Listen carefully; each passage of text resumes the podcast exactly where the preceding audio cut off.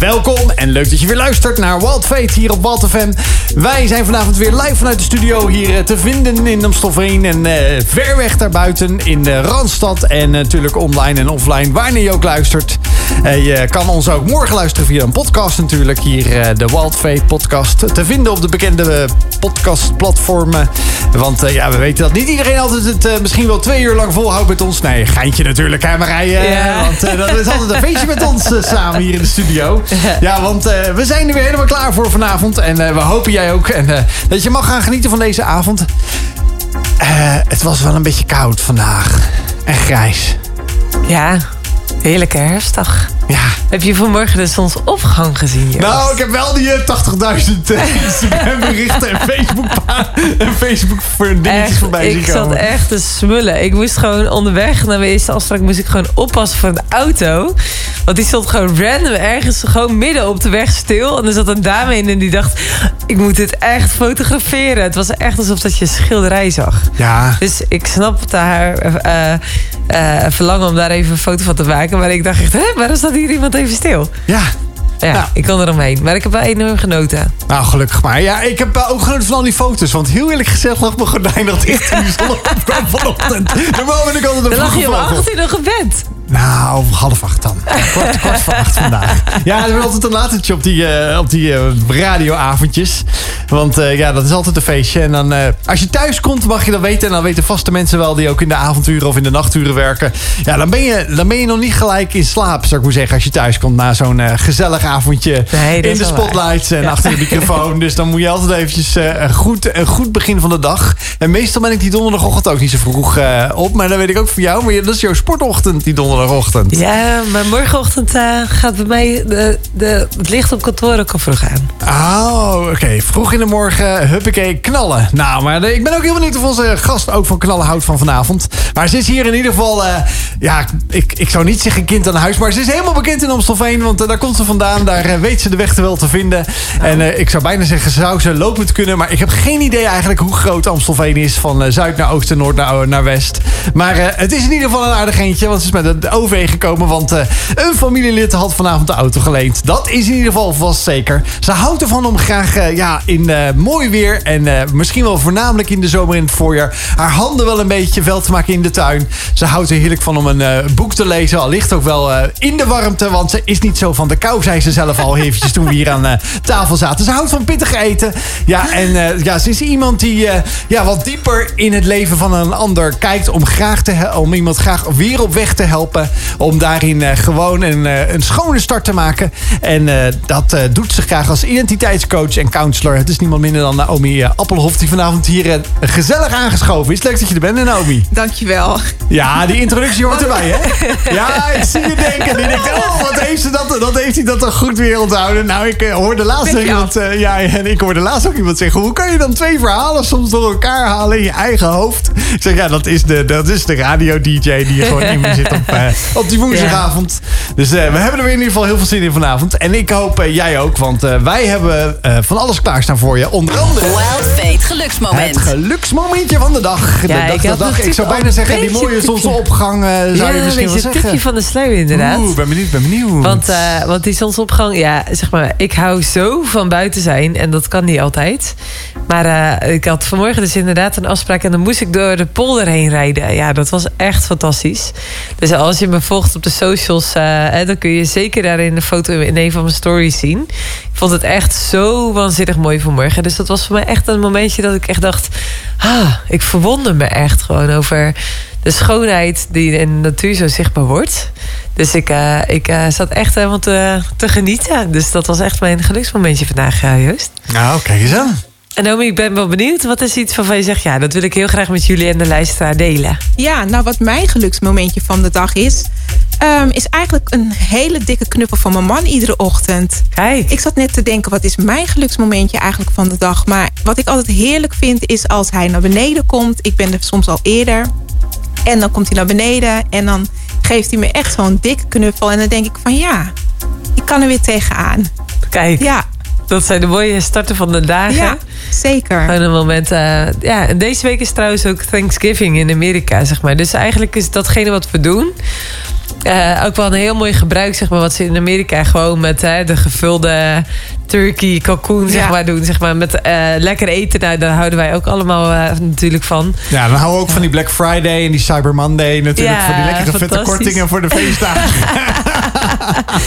Ja, ja, ik doe er ook aan mee. Ik heb vier acties lopen in de komende dagen, zeg maar. Dus eh, ik, eh, ik hou er ook van om eh, daarin jou ook eh, als luisteraar ook eh, lekker te kunnen verrassen. En wie dan ook, zeg maar, dat ook volgt. Juist. Maar eh, ik ben ook wel benieuwd, Joost. heb je ook iets rondom Thanksgiving-achtig Ah, iets om te nou, zeggen? Daar nou, ben ik echt ja, dankbaar kijk, voor. Ja, ik ben helemaal niet per definitie dat ik dat altijd doe. Maar ik was bij een, bij een, een, netwerkmeeting van verschillende mensen die zakelijke dingen doen. En voornamelijk bij radiostations, radiocommercials, radioondersteuning van het station.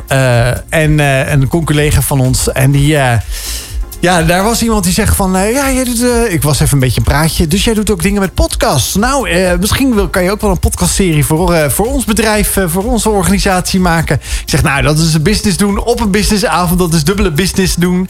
Dus dubbele, ja, geluksmomentjes zouden we bijna zeggen. Ja, en dan moet je natuurlijk wel even erachteraan... om dat natuurlijk te gaan uitwerken. Maar dat gaat helemaal lukken met deze club. Oh, wat leuk. Ja, dus zo zijn we ook een beetje bezig Ja, met de van de business. radio weer naar de podcast. Ja, tuurlijk. En dat heeft allemaal lekker met audio te maken. En natuurlijk die audio, die draaien we hier ook met de allerbeste gospel dance. Zoals je gewoon van ons gewend bent hier bij Wild Fate eh, op de Wild FM zender. En een heerlijke Thank God I Do. Dat is natuurlijk de, die gospel dance waar we altijd maar over praten op eh, die woensdagavond en die zondagavond. En eh, bij Wild Fate. En dat je denkt, hey, dat klinkt eigenlijk best wel lekker. Daar wil ik meer van horen en daar wil ik eventjes meer van luisteren. Nou, dat kan, want we hebben gewoon een lekkere dance plaatlijst op eh, Spotify staan. Dat heet eh, Wild Fate, de playlist. En daar kan je gewoon op abonneren. En dan eh, kan je lekker mee dansen op je werk of tijdens het sporten. En dan kan je ook een andere genres ontdekken. Nou, wij zijn vanavond hier natuurlijk weer in de studio met onze gast eh, Naomi Appelhof. En ik, ik alleen al die, ik vind het echt zo'n leuke achternaam. Dat meen ik echt, Naomi. Echt. Ik denk, Appelhof, ah, dat, dat klinkt zo... zo eh, nou, appeltje, dat is lekker. Maar ja, Appelboom. een appel, appelboom, appelhof. Nou, dan denk ik gelijk aan allerlei appelbomen. En wat komt er allemaal voor lekkers van die appelbomen? Appeltaart. En dat is Ah. juist de tijd van het jaar... waar je misschien nog wel die appeltaart wat meer... Toch dat eten weer, Joost. Heerlijk. nee, nee, nee. Maar even, even, even geintje. Ja, dat, eh, dat is waarschijnlijk niet je eigen achternaam. maar Dat is van je partner. klopt. Die heb je aangenomen. Die eh, Ja. denkt, nou, die eh, krijg je cadeau. Of, eh, of heb je andere... Je eigen meisjesnaam is misschien ook wel een mooie achternaam. Tam. Tam. Kijk. Ja, dat is eigenlijk de naam van mijn moeder. Maar nou ja, dat is de naam die ik heb aangenomen, Tam. Ja. En ik zeg altijd van, eh, ik ben niet Tam, maar het is wel mijn achternaam. Ja. nou, leuk, leuk dat je er bent. Hier in, in, in je eigen eh, woonplaats. Eh, Ja. Wat wil je nou nog meer? Volgens mij hebben we weinig mensen gehad die zo een korte reistijd eh, hebben eigenlijk. Eh, woon je al lang in Amstelveen? Eh, sinds dat ik getrouwd ben. Ja, en dat is eh, nu 23 jaar. Dus Zo, eh, ik ben geboren en getogen in Amsterdam.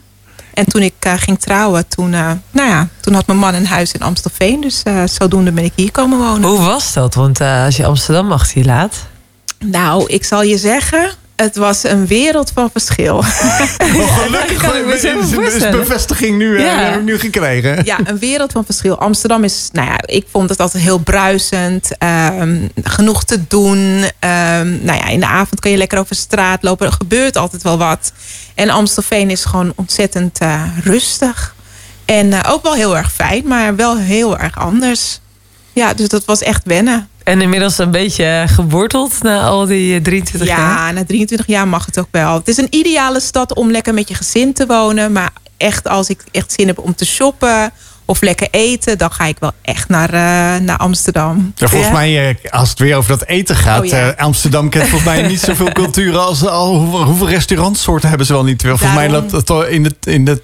Nou, nog geen, misschien wel meer dan honderd soorten restaurants. Ik, zou geen, ik heb geen idee, maar in ieder geval als ik mijn tropische boodschappen wil doen... dan ga ik naar Amsterdam. Ja, en jij houdt van pittig eten, dat heb ik ook begrepen. En, en wat zijn dan de ideale gerechten die je... of de, de lekkerste gerechten? Oeh, de gerechten. Nou, ik hou sowieso ontzettend van eten. Dus ik denk dat ik Thais vind ik heel erg lekker. Indiase curry vind ik lekker. Surinaamse keuken vind ik lekker.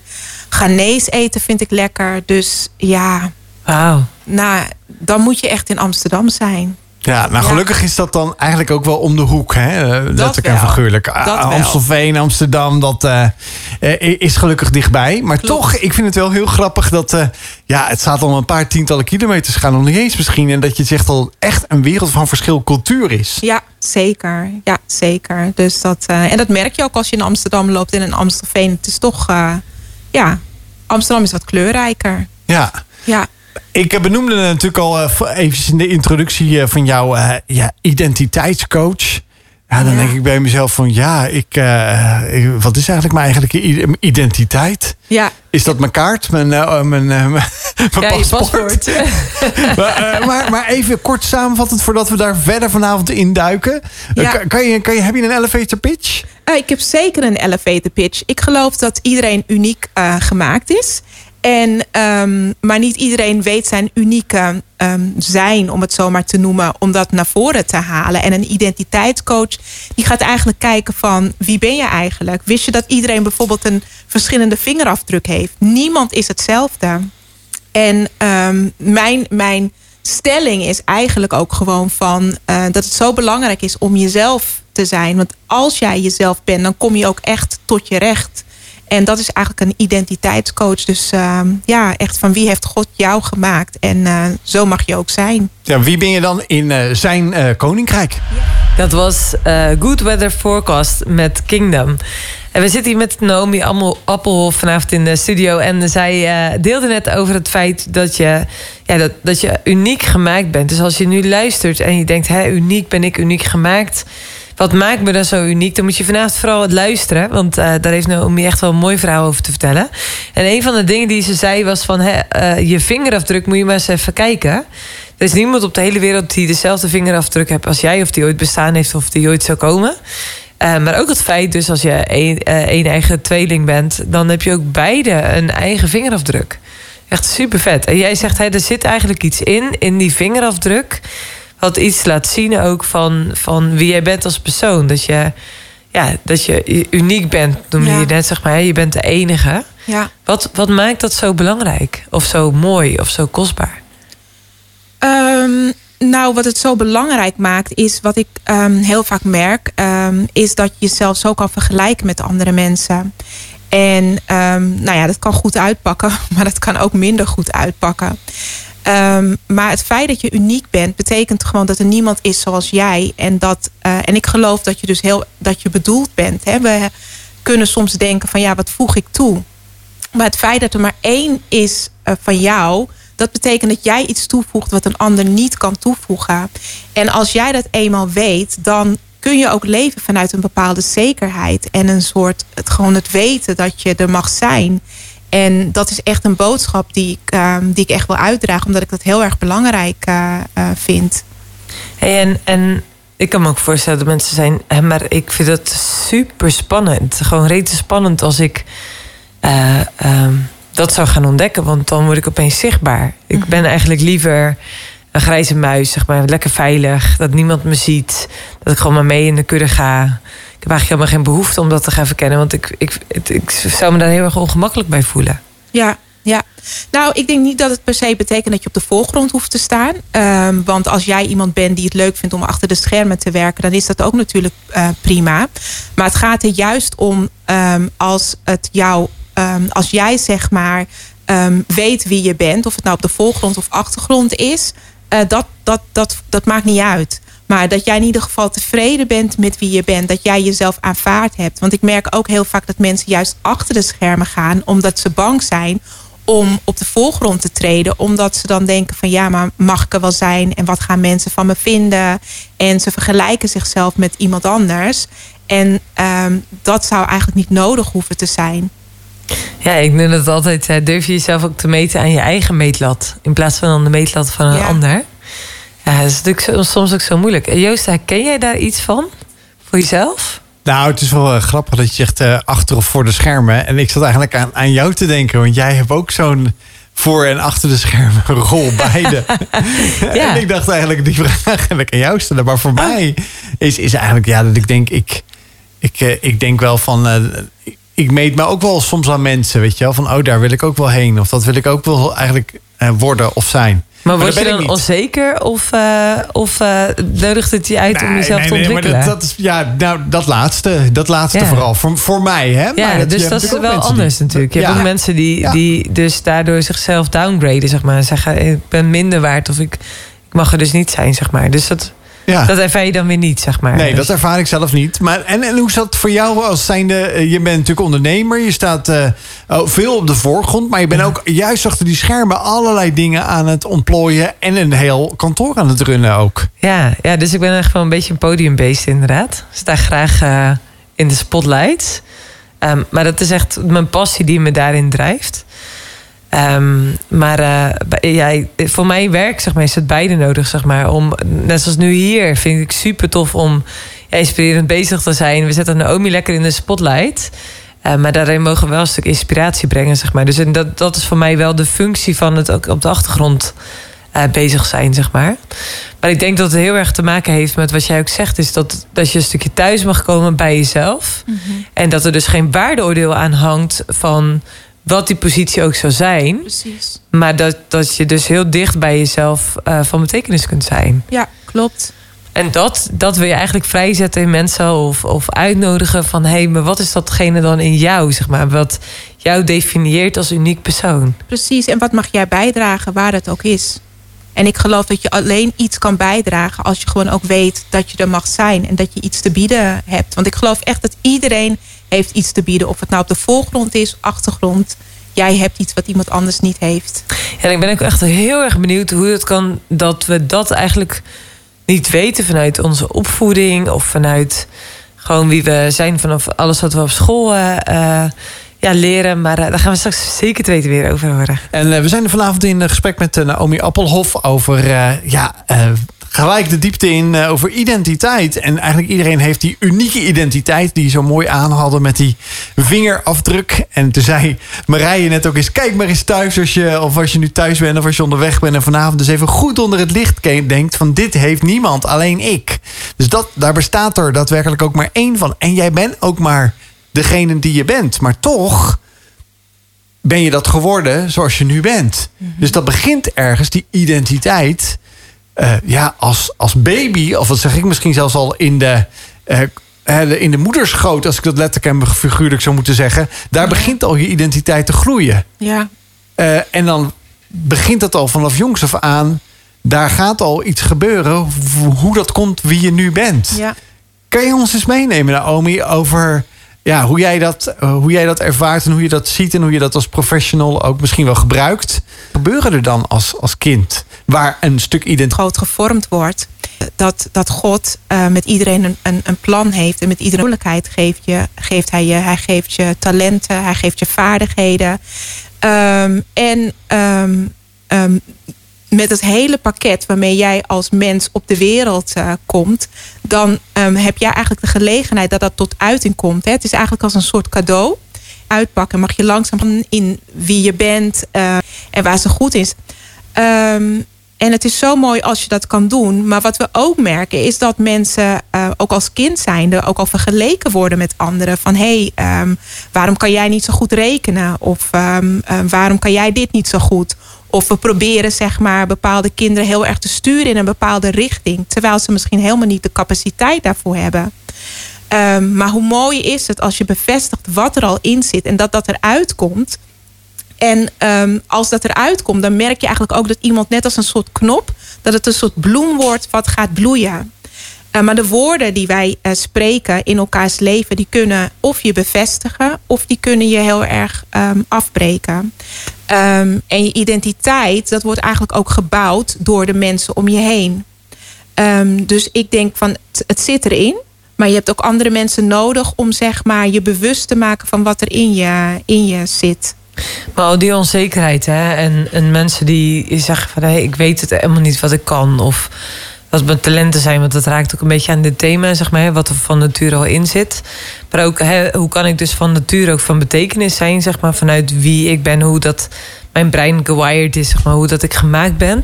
ben. Hoe kan het dan zo zijn dat dat voor vele mensen zo moeilijk is om dat te verkennen of te kunnen omarmen of kunnen aanvaarden? Ja, ik denk dat, we, ehm, dat er heel veel ruis is gekomen, zeg maar, op de lijn. Wat ik net ook al zei, van soms worden we een beetje volgeprogrammeerd. Het begint zelfs al op school. Dat er heel erg, uh, nou, er zijn bepaalde vakken wat je moet uh, leren. Ben je er niet goed in, dan krijg je eigenlijk een soort faalervaring. Um, ja, vooral bijles op datgene waar je eigenlijk niet zo goed in bent. Ja, in, in plaats van dat je iemand stimuleert waar een kind ontzettend uh, uh, goed in is. En uh, op het moment dat jij nog niet zo goed weet um, wat je wil, dan is het ook van: krijg je de ruimte, krijg je de tijd om dat uit te zoeken. Eigenlijk moet je dat nu al, wanneer je 13, 14 bent, moet je eigenlijk al een keuze maken. Nou, je begint eigenlijk net pas uh, te leven, zeg maar. Hè? En um, um, vaak wordt er voor jou bepaald wat goed is en wat nodig is. In plaats van dat, er, dat jij echt de gelegenheid krijgt om te luisteren, om te ontdekken, zeg maar. Hè? Er worden ook bepaalde stigma's uh, uh, opgelegd. Van nou, bijvoorbeeld als jij kunstenaar wil zijn, je bent heel goed in het creatieve. Een stempel van ja, maar daar valt geen brood hè? Dat, kan je te verdienen. Ja, ja precies. Ja. Dus dan krijg je eigenlijk al afwijzing op afwijzing in plaats van uh, de stimulans van ga dat maar ontdekken. En dat wil niet zeggen dat het altijd zo is, hè, dat iedereen daar niet in gestimuleerd wordt. Maar we hebben wel heel vaak dat we in hokjes denken van dit is goed en dit is niet goed. Uh, dat zie je ook al bij talentenshows. Kan je dansen en kan je zingen, dan is dat geweldig. Maar ben jij bijvoorbeeld goed in, um, nou ja, ik zou bijna zeggen tekenen of um, heel creatief uh, uh, of uh, dan, dan zit daar heel vaak een stempel op. Terwijl als je kijkt naar de maatschappij, dan zie je dat alles nodig is. Je hebt mensen nodig die met hun handen werken. Je hebt mensen nodig die eigenlijk heel goed kunnen beredeneren. Alles is nodig. Um, dus ik denk dat het ook heel vaak te maken heeft met wat je opvoeders, um, hoe ze jou vormen en hoe ze jou um, ja, stimuleren in wat je mag zijn. Sommige ouders zijn heel erg van ik wil dat je bijvoorbeeld HAVO of VWO doet. En als je, um, um, nou ja, tegenwoordig het VMBO-kader of VMBO-basis... ja, dan is het toch wel een beetje jammer eigenlijk. Hey, dus als ik je zo praat, dan denk ik... geloof je dat er ook echt een sleutel ligt dus in het onderwijs... of in het systeem wat we handhaven met elkaar? Of, of nodig je juist uit tot een stukje vernieuwing van denken... van hey, jongens, laten we juist in plaats van dat we uh, daar dus uh, jongeren in sturen en, en uh, mensen wellicht in een bepaald hokje duwen, juist een stukje vrijheid daarin creëren om, om jezelf verder te gaan ontwikkelen. Wat, wat is daarin voor jou sleutel? Nou, ik denk dat, uh, dat het onderwijs zeker daarin een hele belangrijke uh, rol heeft. Maar ik begrijp ook, ik snap ook dat het tegelijkertijd ook een uitdaging uh, is. Omdat het ook om maatwerk vraagt. Yeah. maar het zou wel heel mooi zijn als er ook ruimte voor is voor persoonlijke ontwikkeling. En, um, want dan, dan, dan stimuleert dat ontzettend een persoon om gewoon te worden um, wat er eigenlijk al in zit. En, en wat is dan het, uh, het, daadwerkelijke verschil tussen talent en identiteit? Um, dat is inderdaad een hele mooie vraag. Een talent is um, iets wat je hebt gekregen. maar identiteit is wie je eigenlijk bent. En als ik het heb over identiteit, dan heb ik het meer over hoe kijkt God naar jou. Um, wie ben jij als mens? Um, nou, identiteit heeft natuurlijk verschillende um, nou, vlakken. Hè? Je sociale identiteit, de rol die je hebt als vader of moeder, kind. Uh, maar ook bijvoorbeeld je cultuur. Dus het geheel van dat is eigenlijk van wie jij bent. En talent is daar een onderdeel van. En wat, en wat voor onderdelen zitten daar dan nog meer in dan alleen dat talent? Uh, in identiteit bedoel je? Ja, want dat, inderdaad, je zegt dat is een onderdeel van. Dus dan is identiteit onder andere talent. En wat dan nog meer? Uh, nou, bijvoorbeeld uh, je cultuur. Dat is ook een, een, een, deel van je identiteit. Ik ben van Surinaamse afkomst, dus dat bepaalt eigenlijk ook mijn identiteit. Je geloof, dat kan ook iets zijn wat je identiteit ehm, bepaalt. maar ook welke rol je in de maatschappij hebt. Um, nou ja, bakker, kok nou, noem maar op. Hè, dat, dat, dat is allemaal identiteit, zeg maar. Um, en dan heb ik het ook nog over je, je identiteit bijvoorbeeld als kind van God. Hè, dat, ja. ja. Ja. dus als je, als je gelooft, zeg maar, ik ben echt, echt wel benieuwd, zeg maar. Is er een verschil tussen mensen die zeg maar, hè, naar zichzelf kijken, zeg maar, vanuit de identiteit. Uh, gewoon zeg maar van wie ben ik, zeg maar, uh, tussen mensen die wel of niet geloven. Uh, ik zou echt heel erg benieuwd naar zijn, zeg maar, van uh, is dat misschien wel ook juist de essentie, zeg maar, dat komt al een paar keer terug. eh, dat God daarin voor jou ook heel erg belangrijk is. Maar het maakt dat ook echt het grootste verschil. Dat was You Say met Lauren Daigle. Een heerlijke remix. Nou, eigenlijk best wel vet dat dit nummer voorbij komt, zeg maar. Hè? Wie ben je dan, zeg maar, You Say I Am Loved. Uh, super bekend nummer van Lauren Daigle. Ik denk dat iedereen wel uh, dit nummer vaker gehoord heeft. En anders is het zeker goed om een keertje de lyrics erbij te pakken van hem. Wat zingt ze nu eigenlijk? Ja. Want we hadden het eigenlijk over de vraag van... Uh, zeg maar, maakt het grote verschil van hoe je, ja, wie je bent, zeg maar, je identiteit, of dat je nou met God leeft als christen of niet, zeg maar. En, en ja, is daarin in, in de essentie misschien wat grootste verschil, of dat je dan God kent of hem niet? Ja, ja ik denk dat er zelf wel een heel groot verschil uh, in, uh, in zit. Um, ik denk als je met God leeft, dan weet je eigenlijk dat um, er zijn dingen in het leven die je ontnomen kunnen worden. Gewoon omdat het het leven is. Hè. Zelfs als je met God leeft, het leven is, er bestaat lijden, er bestaat pijn, er bestaat verdriet. Um, uh, je Kun je eens voorbeelden, voor, voorbeelden noemen? Nou, um, ik kan een voorbeeld uh, noemen uh, van mijn eigen leven. Als een vrouw, uh, jong meisje wat niet opgegroeid is met een vader zijnde... heeft dat een hele diepe deuk geslagen in mijn identiteit. Um, ik vond het heel erg lastig om gewoon, um, nou ja... Hè, als je kinderen wel ziet met, met hun vader. En ja, dan kan je heel erg gaan twijfelen aan jezelf. En je gaat het invullen van hè, wat, wat, maakt dat mijn vader niet in mijn leven is. En Want hij leefde wel, maar hij was niet in Hij leefde leven. wel, maar hij was niet in mijn, in mijn leven. Ik heb hem pas op, nou, ik was een tiener, 14-jarige leeftijd heb ik hem leren kennen. Dus dat vul je natuurlijk zelf in. Um, en dat heeft een hele diepe deuk geslagen in mijn leven. Um, en um, daardoor vul je in dat je niet belangrijk bent. Dat je waardeloos bent, dat je er niet toe doet. En dat is natuurlijk niet zo, maar zo ervaar je dat wel op dat, uh, op dat moment. En, en die gedachte, die overtuiging, neem je je hele leven lang, neem je dat ook gewoon mee. Ja, en die is super sterk. Dat is super sterk. Ja. En, um, en je gaat het op een andere manier proberen in te vullen. Omdat je niet het gevoel wil hebben dat je waardeloos bent, kan je dat gaan zoeken in carrière, in verschillende opleidingen, et cetera. En uh, ik ben wel met het geloof opgegroeid. Maar voor mij uh, maakte het toen nog niet zo'n heel verschil uit. Dat ik mijn identiteit daar vond. Dat ik echt vond van wie ben ik nou. En pas op het moment toen ik echt ging beseffen van wie ik nou ben als christen. Hoe God naar mij kijkt. Dat ik zijn geliefd kind ben. Of ik nou wel een vader heb. Of ik nou wel een carrière heb. Of ik nou wel uh, bepaalde bezittingen heb of niet. Dat maakte voor mij een wereld van verschil uit. Gewoon het weten dat je geliefd bent. De rest kan... Um, ja, dat heb je niet altijd. Maar je weet gewoon van ik mag er zijn. En je mag er zijn omdat hij wil dat je er bent. Um, weet, weet, je nog, ik, sorry dat ik je van de breker, maar ja. weet je nog dat misschien dat, dat moment voor je te halen dat je denkt van wauw, dat, dat die liefhebbende vader God er dan is. Ik, ik ervaar dat of ik voel dat of ik zie dat. Hoe kan je dat? Ja, dat kan weet je nog, dat nog? Ja, Kun je dat dat weet reproduceren ik nog. Ja, in die zin ja. van voor thuis? Die luisteren, die denken ja, maar hoe dan? Ja, dat kan ik nog heel goed uh, reproduceren.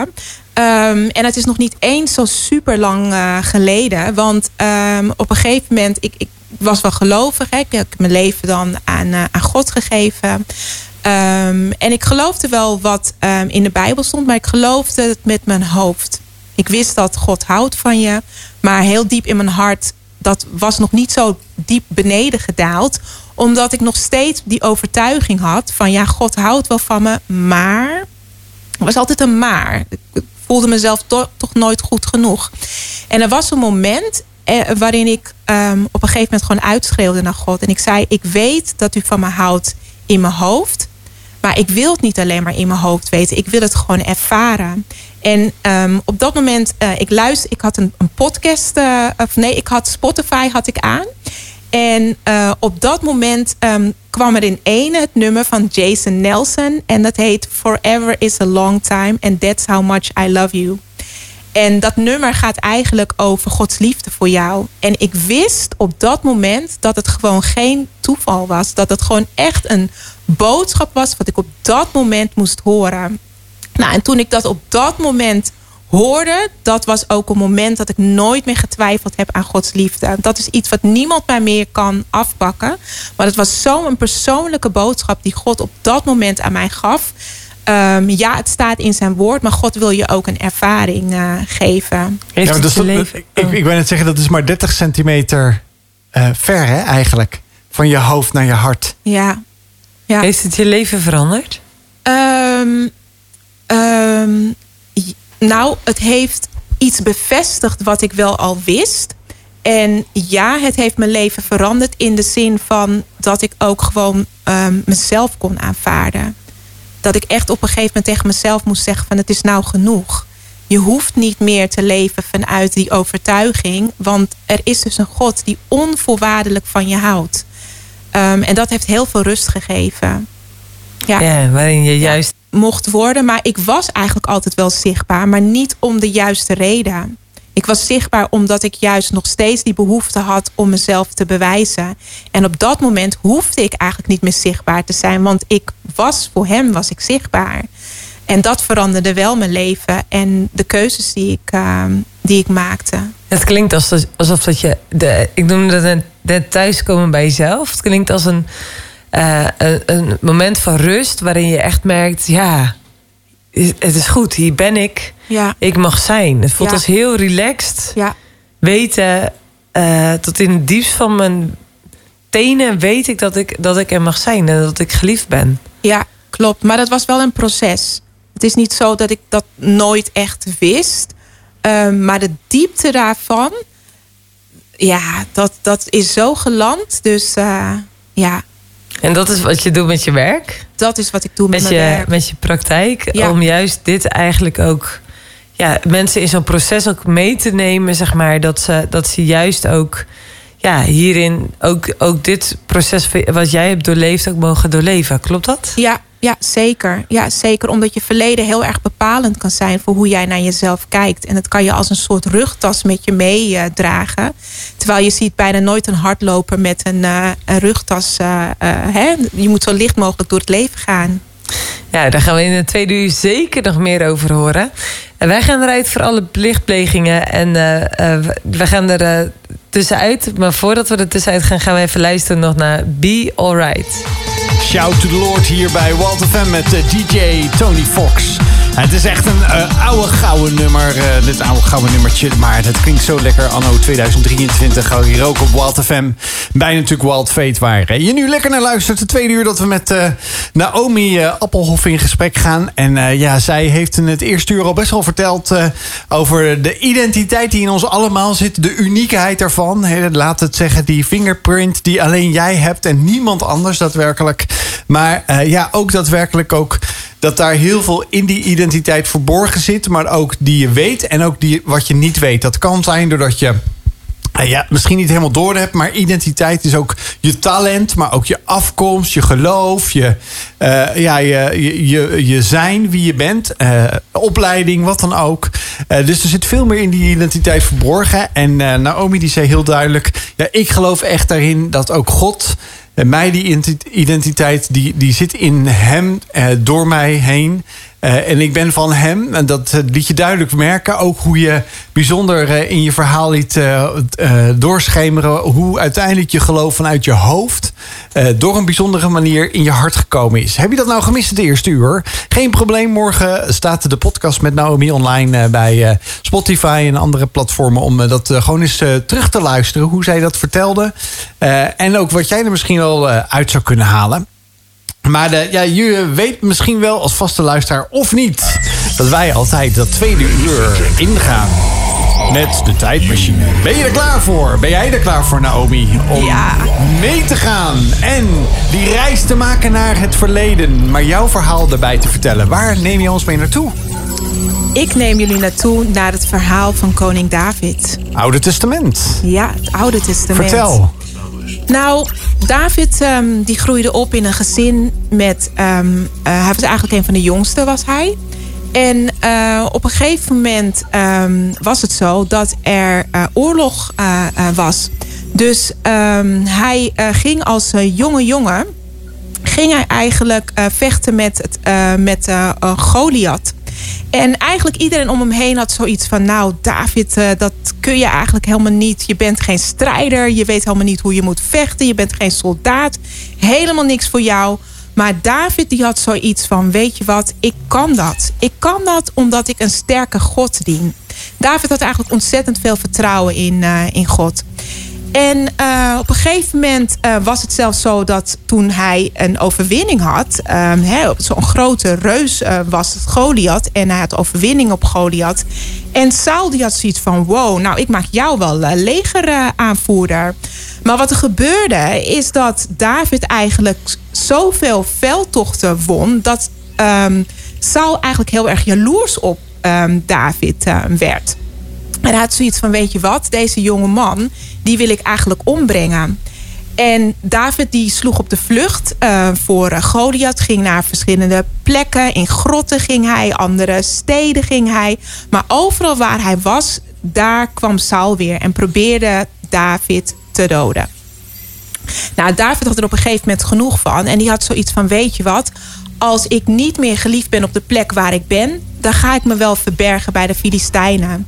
En in die tijd waren de Filistijnen eigenlijk de, de ja, hoe zeg je dat? De vijanden van de Israëlieten. Dus hij had zoiets van, dan ga ik me wel bij hun, ga ik mij uh, verbergen. En hij richt op een gegeven moment, had hij zelf een leger. En um, met het leger ging hij verschillende veldtochten ging hij doen. En uh, op een gegeven moment had hij dus een bepaald had hij een veldtocht had hij gedaan. En hij kwam terug naar zijn woonplaats. En dat heette dus uh, Siklag. En in zijn woonplaats ontdekte hij op een gegeven moment nadat ze een veldtocht hadden gedaan met al zijn mannen, dat alle vrouwen en kinderen die waren weg. En ze waren ontzettend wanhopig. Ze hadden echt zoiets van: wat is er gebeurd? En de mensen met wie hij eigenlijk zo'n veldtocht had gedaan, eigenlijk zijn vrienden, om het zo maar te zeggen, hè, met wie hij optrok, die waren op een gegeven moment zo wanhopig dat zij zichzelf keerden tegen David. Ze hadden zoiets van: Weet je, David, we zijn eigenlijk helemaal klaar met je. En ze waren eigenlijk van plan om hem te stenigen. En toen deed David iets. En dat vind ik zo prachtig wat David uh, deed. Er staat eigenlijk, uh, mag ik het voorlezen? Zeker. Er staat, uh, maar David bleef vertrouwen op de Heer zijn God. En in een andere vertaling staat er, maar David sterkte zichzelf in de Heer. Ja, en ik, ik die zin, daar hou ik me eigenlijk constant aan. En, uh, we werden net meegenomen naar een, uh, ja, eigenlijk een, grote gedeelte van het leven van David, een uh, koning in de, in, het, ja, in de Bijbel. En uh, ik denk dat veel mensen hem wel kennen. In ieder geval van naam, zeg maar. Vooral van het verhaal dat uh, David uh, als klein jongetje, zeg maar, als een tiener, tegenover een, een, ja, een reus komt te staan. En die reus versloeg, zeg maar. Dat is echt een van de bekendste verhalen van David. Uh, net tijdens de muziek uh, deelden wij het even met elkaar over van... hé man, als je het hebt over een gast die veel meegemaakt heeft in zijn leven... gewoon echt crisissen, uh, moeilijkheden... nou dan, dan kan David er echt over meepraten. Zeggen nu van, ik wil je meer over lezen. Zijn, zijn levensverhaal staat opgetekend in het Oude Testament. Dat is het eerste gedeelte in de Bijbel. En het verhaal van David en Goliath... dat staat in 1 Samuel 17... En Samuel was een profeet. Die heeft twee boeken geschreven. 1 Samuel en 2 Samuel. En dan lees je heel veel over zijn leven. En uh, daar begint eigenlijk, ja, da daarin komt David nog niet voor het eerst, want daarvoor wordt hij nog uh, gezalfd als, als koning. Maar vervolgens ja, lees je alle avonturen die hij meemaakt, zeg maar, totdat hij dus ja, in Ziklag woonde en uh, terugkwam van de strijd. En nou ja, de stad verwoest was en alle vrouwen en kinderen meegenomen waren. En kun je dat zinnetje nog even herhalen, Naomi, waarvan je zegt, dat ja, dat vind ik zo boeiend. Daar hou ik me ook zo vaak aan vast. Aan wat hij dus dan ja, doet, juist in het moment echt van horror. Want ja, al zijn mannen die waren echt radeloos over hun vrouwen en hun kinderen. Ja. En wat David op dat moment deed. Ja, in een nieuwe Bijbelvertaling staat... maar David bleef vertrouwen op de Heer zijn God. En in de NBG-vertaling staat... David sterkte zichzelf in de Heer. En, en dat, ja, ik, ik ben gewoon verliefd op dat vers. Ja, want waarom, waarom is het voor jou zo betekenisvol? Nou, waarom het voor mij zo betekenisvol is, is als ik kijk naar het leven van David, heeft hij ontzettend veel dingen meegemaakt. Uh, zoveel ellende heeft hij uh, meegemaakt. Maar hij bleef er ieder, uh, iedere keer toch voor kiezen om te vertrouwen op God.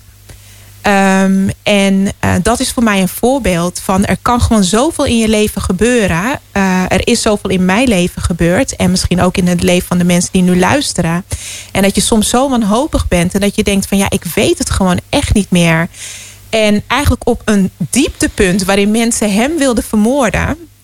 Zegt, dan, dan, dan nog kiest hij ervoor om te vertrouwen op God.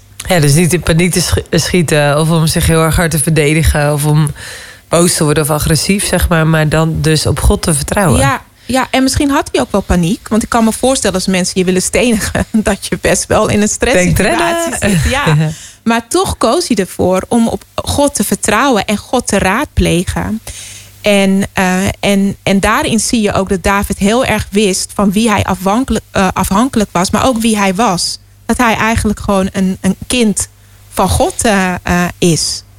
Ja, en uh, hebben ze uiteindelijk die vrouw en kinderen weer teruggevonden? Ja, wat het mooie is, is dat David zei op een gegeven moment... hij had de raad van God gevraagd, dat een priester had hij gevraagd. En hij zei, ik wil dat je onderzoekt wat Gods wil is in deze situatie.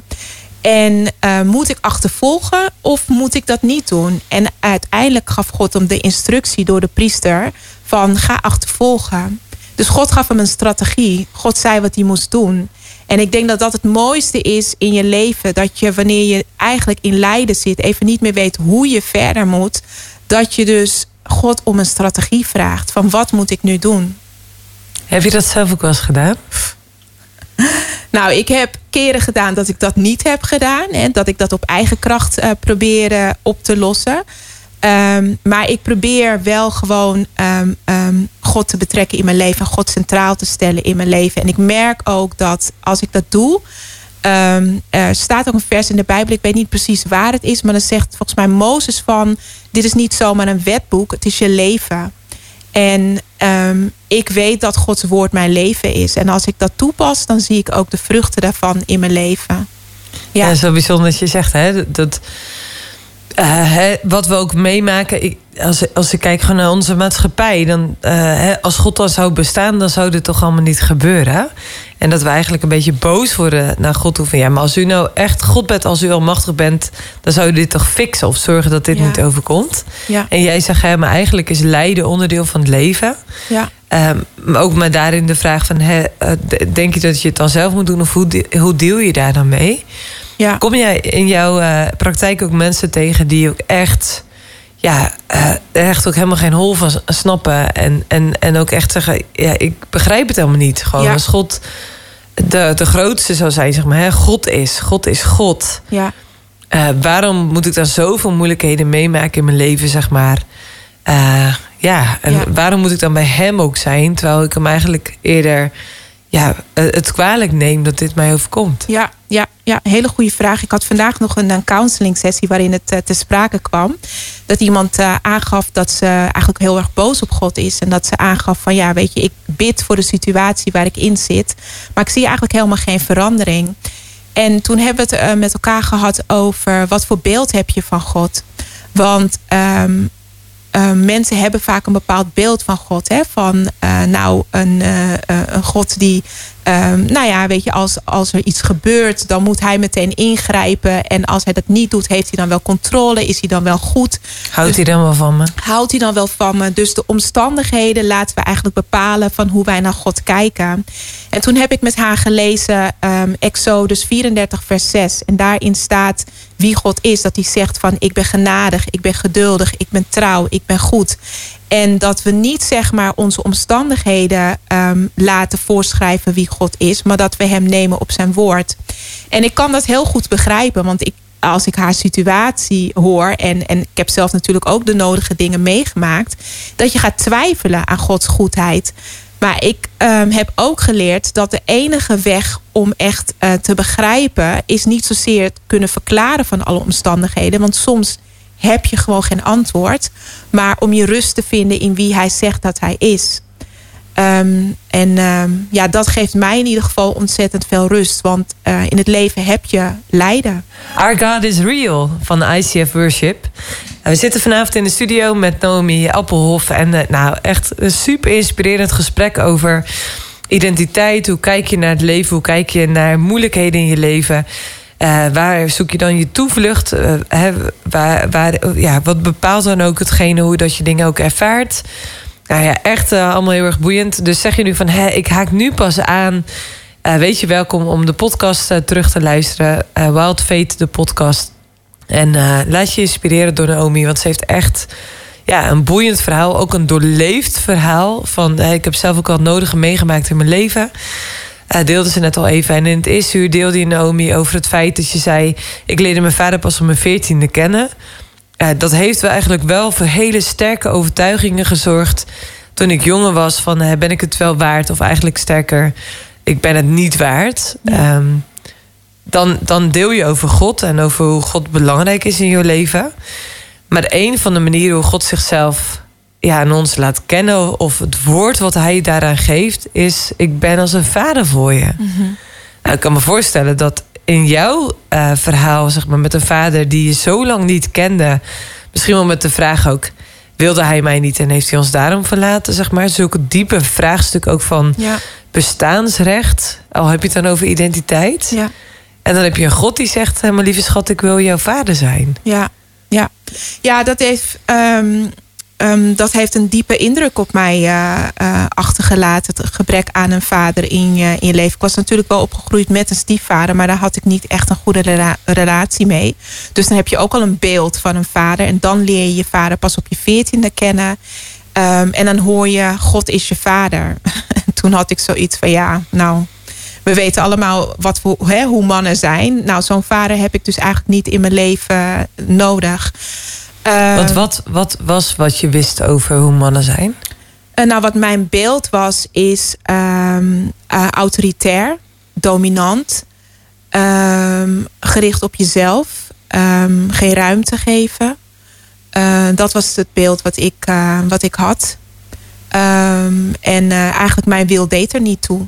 Ja, maar daar, daar is toch al een, een hele ja, misvorming eigenlijk gegaan Ja. in, in alle decennia's. Hè? Want het gaat niet over alleen jouw pers- eh, eh, perceptie op eh, vaders, maar dat hoor je veel terug. Ja, Hè, En dan is dan, de moeder wordt nooit zo aangewezen, maar er gebeuren ook daarin natuurlijk niet altijd even zuivere dingen, ook bij moeders niet. nee, klopt. Dat zelfs kinderen zeggen, ik wil niet meer naar mijn moeder, ik ben liever bij mijn vader. Want die moeder was er nooit vanwege, Ja.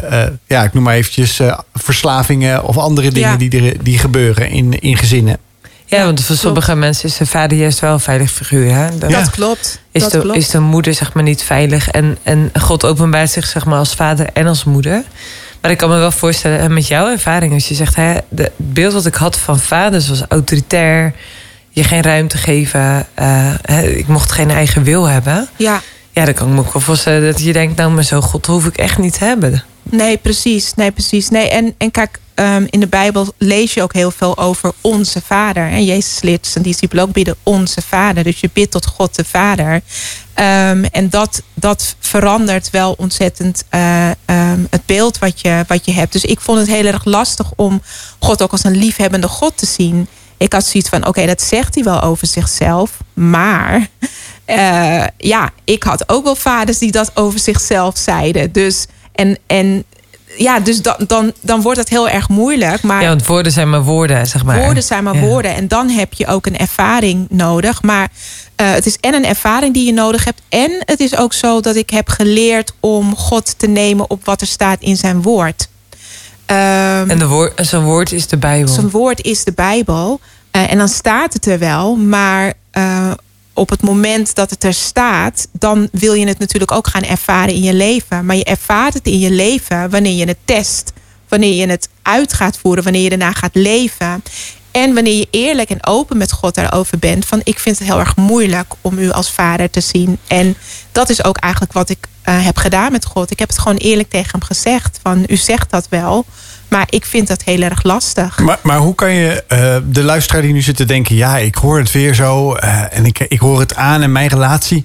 Uh, met mijn vader of hè, met, dat kan ook met mijn moeder zijn... maar laat ik zeggen nu, het bij de vader is, is nog steeds lastig... of heb ik niet, of heb ik nooit gekend. Precies wat jij benoemt. Maar, maar hoe kunnen ze dat dan... hoe kun je dan ergens starten met dat vertrouwen geven aan God? Ja. En dat toelaten? Ja. Ja, nou, ehm, wat mij heeft geholpen is um, om erover te praten. Um, ik heb, ben zelf in een, in een, door een proces heen geweest waarin ik op een gegeven moment gewoon zo tegen een muur aanliep. Waarin ik, ik moest het eerst erkennen dat dat een probleem was waar ik tegenaan liep. Dus dat is het eerste startpunt. Van begin gewoon met het te erkennen dat je het lastig vindt. En zoek iemand die naar je luistert en die het niet al voor jou gaat invullen, maar die gewoon begrijpt waar jouw pijn zit. En um, op het moment dat iemand begrijpt waar jouw pijn zit, achter een pijn zitten ook bepaalde overtuigingen. Um, en um, dan moet je eigenlijk gewoon gaan kijken van waar komen die overtuigingen nou vandaan? En is dat gebaseerd op waarheid? Uh, en dan bij jou, uh, je hebt hele sterke overtuiging dat jij er niet mocht zijn. Ja. Was dat dan niet gebaseerd op waarheid? Want het was wel jouw ervaring. Ja, het was een ervaring, maar de conclusie die ik had ge, uh, de, daaruit had gehaald, dat was niet gebaseerd op waarheid. Want wat was wel waarheid dan? Nou, wat wel waarheid was, is dat, dat er een God is die van mij houdt. Um, en ik geloof ook wel dat, mij, uh, dat mijn vader um, van mij houdt. Ja, hij is er niet meer, maar ik, ik geloof ook wel dat hij van mij hield. Uh, maar mensen maken keuzes in hun leven op basis van waar ze zijn op dat moment in hun leven. Um, en ik moest gewoon de conclusie die ik had getrokken, dat was niet gebaseerd op, op, um, op waarheid, maar meer op de omstandigheden die er zo waren, de vertaling die ik had gegeven. En ik denk dat je daarin mensen moet meenemen van hey, de conclusie die jij hebt getrokken, uh, waar is dat op gebaseerd? Dat je dat echt met iemand gaat uitpluizen. Dus het startpunt begint gewoon door erover te praten, door het dus te erkennen, door het aan het licht te brengen, maar dus door ook mensen in je leven te laten spreken die je meenemen uh, naar um, de waarheid van Gods woord. En dat is wat je doet met Imago Dei counseling? Ja, dat is wat, wat betekent, wat betekent dat Imago Dei? Ja, ja, Imago Dei betekent eigenlijk dat je gemaakt bent naar het beeld van God. En um, dus eigenlijk met andere woorden, wij lijken op God. We zijn gemaakt om te lijken op God. En um, er is in ons leven is er heel veel gebrokenheid. Um, maar God heeft zo intens het verlangen om dat weer te herstellen. En dat heeft dus weer met die vingerafdruk te maken. Dat als jij eenmaal weet wie je bent, dat je een geliefd kind van God bent. En hoe hij naar jou kijkt, dan, dan word je ook wie je bedoeld bent om te zijn. Je gaat helemaal shinen. Ja, ja. maar dat klinkt heel hoopvol. Zeg maar alsof dat uh, eigenlijk geen shit te groot kan zijn. Maar dat er altijd dus hoop is. Um, ja, en ik denk dat dat ook het belangrijkste is. Dat er altijd hoop is. En dat wil niet zeggen dat altijd alles goed gaat. Maar um, er is altijd hoop. En hoop is, is in Christus. Uh, en hoop maken we in dit leven maken we hoop mee. Maar ook onze hoop is voornamelijk ook in wat komen gaat. Nou, daar gaan we straks meer over horen. Ja, als we zojuist uh, hier uh, Naomi zien shinen. Als, die gaat helemaal op stralen als het mag hebben over haar passie om mensen mee te nemen in de identiteit. Uh, maar ook de hoop die daaruit gaat klinken. Die je, die je, gaat, die je kan ontdekken als je ziet wie eigenlijk God in jou ziet. Mm -hmm. De hoop die daaruit voortkomt. Maar, maar wat is die hoop? Ja. Voor, nou, voor, voor de luisteraar die denkt van ja, maar ik wil misschien ook wel die hoop. Maar die vind ik misschien wel ergens anders. Maar waarom zou ik hem bij God vinden? Ja, ja, dat is een hele mooie. Waarom zou ik hem eigenlijk bij God vinden? Nou, kijk, ik denk dat mensen uh, hoop hebben in, um, in heel veel verschillende dingen. Je kunt hoop in een relatie hebben, hoop in een goede baan, hoop in uh, nou, verschillende dingen. Maar als ik het heb over hoop, dan is het meer een zekerheid. Um, Um, we hebben de zekerheid dat wanneer God zegt, uh, wanneer God iets zegt, dat het ook gaat gebeuren. We hebben hoop, um, zekerheid dus. Uh, dat als God zegt dat hij onze tranen van onze ogen zal wissen, dat er een tijd komt waarin we geen rouw meer hebben, wanneer we geen verdriet meer hebben, dan is dat een zekerheid. Um, en heel veel dingen in deze wereld, we weten ook gewoon dat het tijdelijk is. Um, um, dingen, dingen houden een keer op. Um, en, en, en in God heb je dat gewoon niet. God is eeuwig. Uh, maar hij neemt ons ook mee in die eeuwigheid. En het mooie is dat wij in hem zijn. Hè? Dus, dus eigenlijk, hoe kan ik dat nou heel mooi schetsen? Van, ik had het net over een cadeau eigenlijk. En de omhulsel van de cadeau, als ik het zo even mag omschrijven, is het alsof dat God is. En de, aan de binnenkant zitten wij. Dus wij zijn eigenlijk verborgen in God. En dat geeft een behoorlijke zekerheid dat wat er ook gebeurt, de stormen, uh, uh, moeites van het leven, we zitten daar veilig in. Dat is een soort zekerheid wat je altijd hebt. Um, en um, ja, ik, ik zou zo op die manier antwoord willen geven, denk ik, op, jou, uh, op jouw vraag. Ja, dat is de, die, die hoop, die is gewoon. Ja, God, God omkleedt eigenlijk die, die zekerheid. En ja, je, je, ik denk ook wel, ik zat, bij, ik zat bijna te denken, oh ja, die heb ik een keer eerder gehoord, die quote. Er zijn maar twee dingen zeker in het leven. Dat is dat je belasting moet betalen en dat je een keer zal sterven. Maar dan is dus de vraag. Ja, ja, even duur. Einde van het jaar, Joost. Ja. maar maar, maar dan, dan is dus het sterven, is, dus, is dat een eind van je leven? Of is dus daadwerkelijk dat een nieuwe start van een nieuw leven met God? Ja, ja, ik vind dat wel heel mooi. Het is vooral een, een, een start van, van je nieuwe leven. Maar ik wil wel aangeven dat sterven niet alleen maar. Um, dat je nu al een nieuwe start kunt maken. Niet pas op het moment wanneer je sterft. Kijk, op het moment dat je sterft, geloof ik dat je de eeuwigheid ingaat. En dat je als je een kind van God bent, altijd met hem zal zijn. Maar je kunt nu, uh, in de situatie waarin je nu bent, kun je ook een nieuwe start maken. En stel je voor dat iemand zegt: Ik wil nu een nieuwe start maken. Ja, wat moet ik daarvoor doen? Ja, ik zou zeggen, als je nu een nieuwe start wil maken, dan, um, dan mag je bij Jezus uh, zijn. Want Jezus zegt: Ik ben de weg, ik ben de waarheid en ik ben het leven. En als jij dus een nieuwe start wil maken, dat betekent dus dat jij um, bij Hem mag zijn. Um, en dat jij dat aan Hem mag uh, laten weten, dat, dat je dus een nieuwe start wil maken. En wat Hij dan ook zegt, is op het moment dat jij dat, uh, dat, je dat besluit neemt, dat je dan ook een nieuw leven krijgt. En dan zegt hij ook letterlijk: het oude wat je hebt is voorbij gegaan en het nieuwe dat komt. En dat wil niet zeggen dat je er heel anders uit gaat zien, maar van binnenuit gaat er iets veranderen. En dat proces, dat is eigenlijk dat je steeds meer gaat lijken op de Heer Jezus Christus. Want zijn geest gaat in jou wonen en brengt vernieuwing in je gedachten, in je, in je gevoelens, in wat je wilt. Um, en daardoor kom je ook steeds meer, um, ga je steeds meer lijken op wie je eigenlijk, um, zoals je eigenlijk bedoeld bent om te Ja, dus dat is eigenlijk dat imago Dei wat je al eerder zei. Juist. Hey, en je zegt, hè, dan mag je dat gewoon aan Jezus zeggen, aan hem, dat, je, dat je dat graag zou willen. Um, ik kan me voor zo maar voorstellen dat als iemand luistert en zegt: Hem, ik weet helemaal niet hoe ik dat moet zeggen. Mm -hmm. uh, kun je, kun je ja, ons daar eens meenemen, zeg maar? Gewoon, is dat ingewikkeld? Is dat makkelijk? Hoe ja. dat je kan zeggen: hey, ik wil die nieuwe start? Nou, um, ik denk niet zozeer dat het ingewikkeld is. De Bijbel leert ons dat als wij um, het met ons mond beleiden en geloven in ons hart, dat we gered kunnen worden. Um, um, en, maar het betekent ook dat jij uh, mag erkennen dat jij zonder God hebt geleefd en um, dat je een andere kant op bent uh, gegaan. En die kant die je op bent gegaan, dat is niet de kant die God wilde dat je opging. Dat heeft eigenlijk te maken met zonde.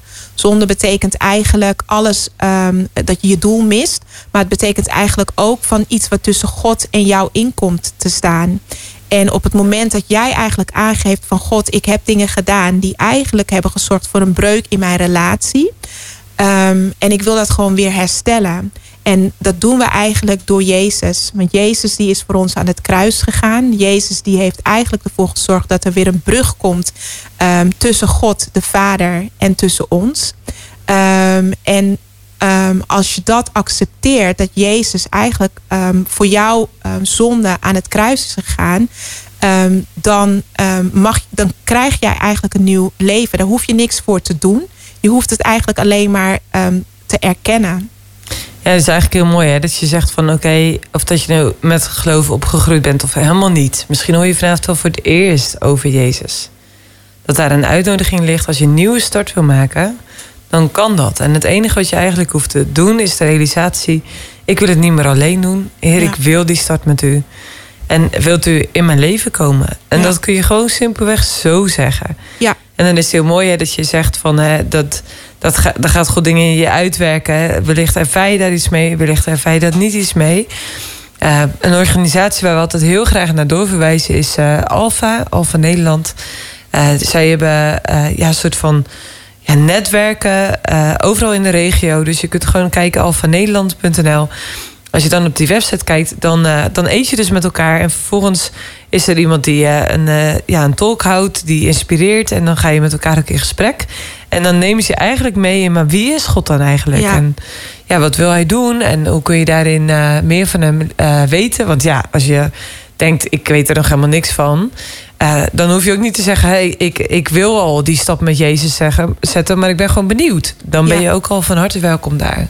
Closer van eh, DJ Matthäus hier bij Walt FM eh, bij Walt Fate hier op de woensdag en de zondagavond. We zijn in gesprek met eh, Naomi Appelhof eh, over identiteit, wat er allemaal bij komt kijken. En eh, ja, dat je daarin eh, ja, gevormd wordt door je hele leven heen. En dat dat, eh, ja, dat, dat eh, allerlei facetten heeft die uiteindelijk bepalen wie je vandaag de dag bent. Als je nu luistert en je zit op de bank of je rijdt onderweg of je zit op de sportschool of je luistert de podcast na. En dan hoor je dat en dan denk je, ja, maar, maar ja, hoe gaat het dan? En hoe gaat God daar dan in te werk? En eh, ja, wat betekent daar eh, ja, de christelijke identiteit ook daadwerkelijk in? Hè? Dus dat geloof. Ik denk dat dat wel heel mooi is van... eh, ja, hoe zijn de stappen dan die daarbij komen kijken... om uiteindelijk bij die kern te komen? Ja. Hoe God jou ziet. Ja. Werk jij ook zo? En, en Ja. hoe, ga je, hoe pak jij dat aan als je mensen bij jou zouden komen? Ja, nou, ik kan eh, daar eh, heel veel over vertellen. maar ehm, een van de dingen die ik ontzettend eh, belangrijk eh, vind, is: ehm, ik werk voornamelijk met mensen die ook eh, geloven, die openstaan in ieder geval voor het geloof.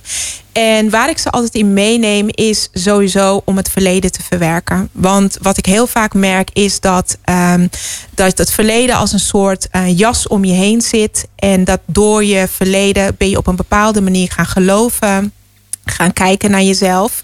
En ehm, ik zeg altijd dat het belangrijk is om je verleden te verwerken. De pijn van je verleden. Want als je dat niet verwerkt, dan blijf je dat eigenlijk altijd met je meedragen.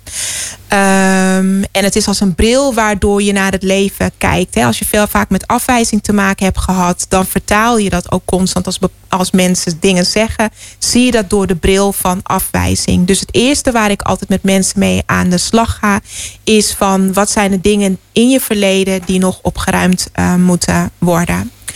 Ehm, en ik zeg altijd: het verleden, eh, je hebt een verleden, je bent niet je verleden. Je bent meer dan je verleden. Nou, het tweede waar ik ook eh, mee aan de slag ga, is ehm, het godsbeeld. Van hoe kijk je naar God? Want door je verleden ehm, ben je op een bepaalde manier naar God gaan kijken. Dus ik wil altijd dat ook het, het, het godsbeeld herstellen.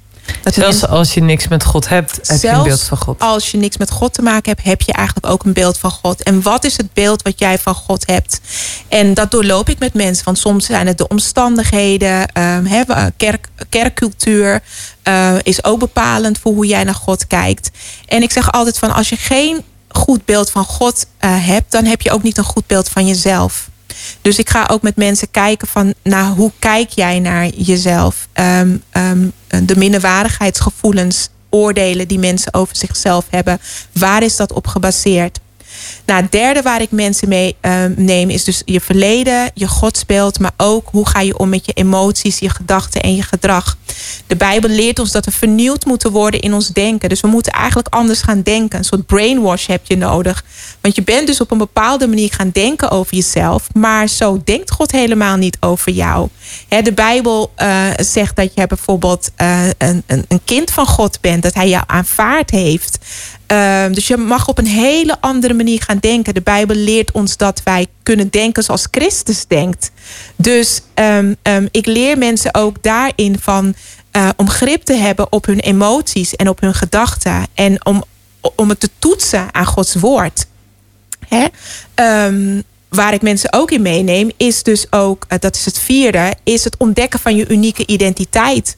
Wat voor talenten en vaardigheden heeft God jou gegeven? Wat voor rol mag jij innemen? Want het gaat natuurlijk niet alleen maar om jezelf, maar je bent hier ook om iets bij te dragen in de wereld waarin je leeft. En wat dat is, dat kan zijn dat je zegt van nou, ik wil graag een thuisblijfmoeder zijn. Prima. Als dat is wat jij graag wil, helemaal prima. Maar het kan ook zijn dat je zegt van ik heb het verlangen om te zingen. Of ehm, ik wil graag eh, zending in. Ehm, sluit aan bij wat God jou gegeven heeft. En het laatste punt, dat is het vijfde punt, dat is bouwen aan gezonde relaties. wat ik heel vaak merk is dat een gebroken identiteit ook zorgt dat mensen bijvoorbeeld gaan pleasen. Dat ze geen nee durven te zeggen. Ehm, dat ze voldoening halen uit wat andere mensen van ze denken of vinden. En dat ze dat nodig hebben om eigenlijk gewoon te kunnen functioneren in het leven. Uh, maar dan ben je eigenlijk altijd een nemer, omdat je andere mensen nodig hebt om je goed te laten voelen. En bouwen aan gezonde relaties gaat erom dat je de juiste mensen om je heen bouwt. Maar dat jij ook een persoon bent die heel bent en die heelheid kan brengen waar je ook uh, bent. Dus dat zijn eigenlijk de vijf um, onderdelen uh, waar ik aan werk. Dat is een soort ruggengraat van mijn, um, um, ja, mijn methode die ik zeg maar ontwikkeld heb. En het programma heet eigenlijk leven vanuit je identiteit. Dus het is eigenlijk weten en handelen dat je een geliefd kind van God uh, uh, bent. Het, het, klinkt als een, een, een, het afpellen van een ui. En dat kan dus ook gepaard gaan met een, met een traan. En een snik. gaat zeker gepaard met tranen. Het gaat zeker gepaard met tranen. Ja ja, regelmatig. Uh, nou ja, dat gebeurt eigenlijk elke week dat mensen gewoon ja. huilen in mijn praktijk. En dat ik soms ook meehuil. Ja, maar je, je gaat ook de diepte daadwerkelijk in als je dat dus echt wil opnieuw wil resetten. Hè? Je, je, ja. je mindset, niet alleen je mindset, maar ook je hart eigenlijk een, ja. Uh, ja, een, klap wil geven van hé, hey, maar opeens. Uh, ja, wil ik daar ook in kijken hoe God naar mij kijkt. En vanuit zijn liefde, vanuit zijn perspectief voor mijn leven hier op aarde om meer uh, te lijken, gaan lijken op Jezus voordat we straks de eeuwigheid met hem ingaan. Precies, precies. En het gaat nog meer om je hart dan om je mindset. He, want je hart zijn je verlangens, je wil, uh, je gedachten. Dat is eigenlijk de kern. Ja, mooi. Ja. En waar kunnen de mensen uh, jouw uh, methode vinden, meer van jou te, te weten komen? Ja, nou sowieso, sowieso op social media kunnen ze mij gewoon op Instagram vinden op naomi.appelhof. Uh, um, op mijn website. Ik heb ook een website die heet uh, Imago Dei uh, Counseling. Ik ben op Facebook te vinden onder Imago Dei Counseling. Dus ik ben op LinkedIn te vinden onder Naomi Appelhof. Dus zelfs op TikTok. nou, kijk. Oh, wauw, echt. Lekker ja. actief dus. Nou, ja. ja, ik wou zeggen, Naomi, heel erg bedankt voor je komst hier. Om, om ons eens eventjes een beetje mee te nemen in wie wij zijn. En wie jij bent thuis als je luistert. Uh, wie jij bent in Jezus Christus, in God bent. Uh, wie hij, uh, hoe hij jou voor ogen ziet. Dankjewel dat je ons ook een stukje die ogen hebt doen openen vanavond. Ja, graag gedaan. Ja, super dat je er was. ja, wij zeggen gewoon tot volgende week. Dan gaan we, dan gaan we de lucht in. Want dan gaan we ver weg. En dan gaan we eens eventjes meevliegen met een paar, maar paar piloten. Ik heb er nu al zin in. Ik ben heel benieuwd waar wij heen gaan uh, volgende week. Marije, bedankt dat jij er ook weer was uh, hier vanavond. Ja, was super, super leuk, Joost. Ja, en ik zeg uh, tot volgende week. Zeker. Yes.